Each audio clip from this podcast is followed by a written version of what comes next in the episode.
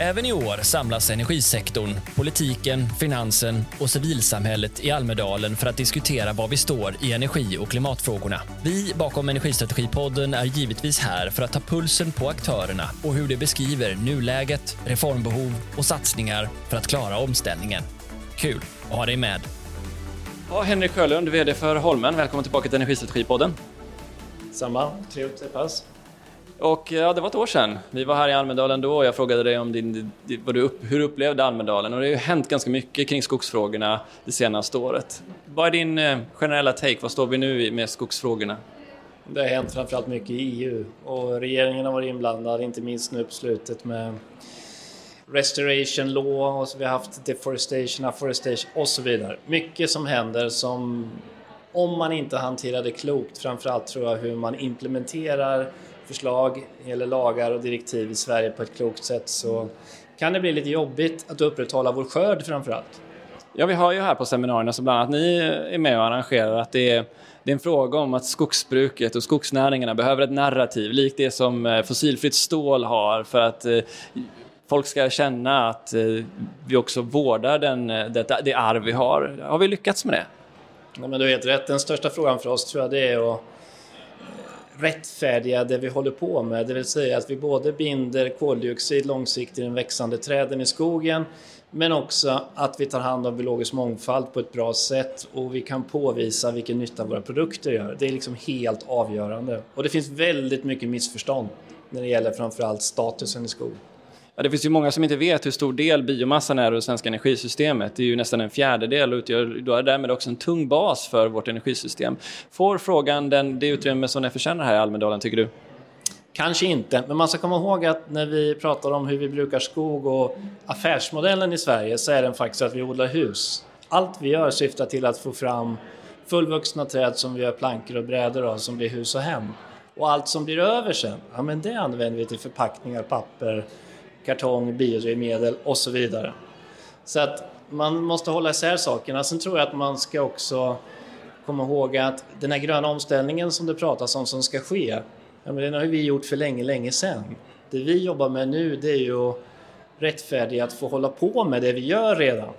Och vårt största bidrag till energisystemet det tror jag absolut är att eh, kombinera att odla träd med att odla vindsnurror i skogen. Ja, nästa hot är ju på horisonten här med Nature Restoration Law. Mm. Vad har vi de svenska politikerna i det här, tycker du? Jag tycker de försöker. Så att vi har en enighet om, i, i Sverige i alla fall, om, om att liksom, möta EUs kanske annorlunda röst än Sverige? Att det har gått lite långt i hur mycket detaljreglering man ser framför sig ska ske i respektive land, eller hur mycket man kan påverka respektive lands hur vi kan få bruka skogen. Absolut, du har rätt i det, men jag tycker regeringen gör vad de kan så att jag är ganska hoppfull. En annan fråga som ju också har varit stor i, i, i alla fall från ett energiperspektiv när man tittar på, på skogs och skogsnäringen är ju de stora prisförändringarna på marknaden från restflödena som kommer efter det att ni har gjort brädor och plankor och, och material som kan skapa kaskadeffekter. Eh, har det där påverkat er syn på hur ni hanterar era restflöden i förhållande till ja, kraftvärmebranschen till exempel? Inte så mycket. Jag tycker att, kommer ihåg att vi är både kanske södra Sveriges största elkonsument och vi är en stor elproducent, framförallt längre norrut. Det som vi har upptäckt och som vi jobbar väldigt mycket med det är att vi kan hjälpa elsystemet på olika sätt att stabiliseras, hålla 50 Hz, både genom att ta ner lite av vår produktions ta ner produktionen helt enkelt för att konsumera mindre el och trycka på med vattenkraften och skapa andra stödtjänster på olika sätt. Det tror jag kommer bli viktigt för vår industri.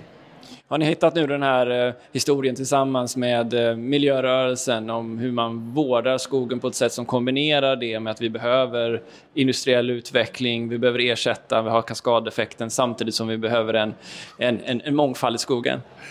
Det är en jättebra fråga. Jag tror du får olika svar vem du frågar, beroende på vem du frågar. Men det, det, vi kan ju konstatera att det sker väldigt mycket tyckande i silos och väldigt få som får ihop helheten.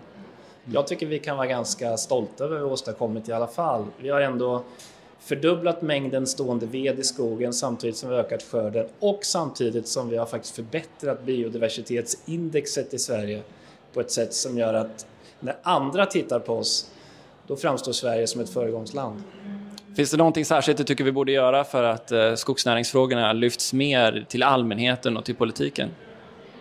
Jag tror det, det man skulle behöva göra är att enas lite grann om vad är fakta och vad är tyckande? För det spretar lite för mycket och det är för polariserat. Och sen försöka också lyfta blicken och försöka se till helheten.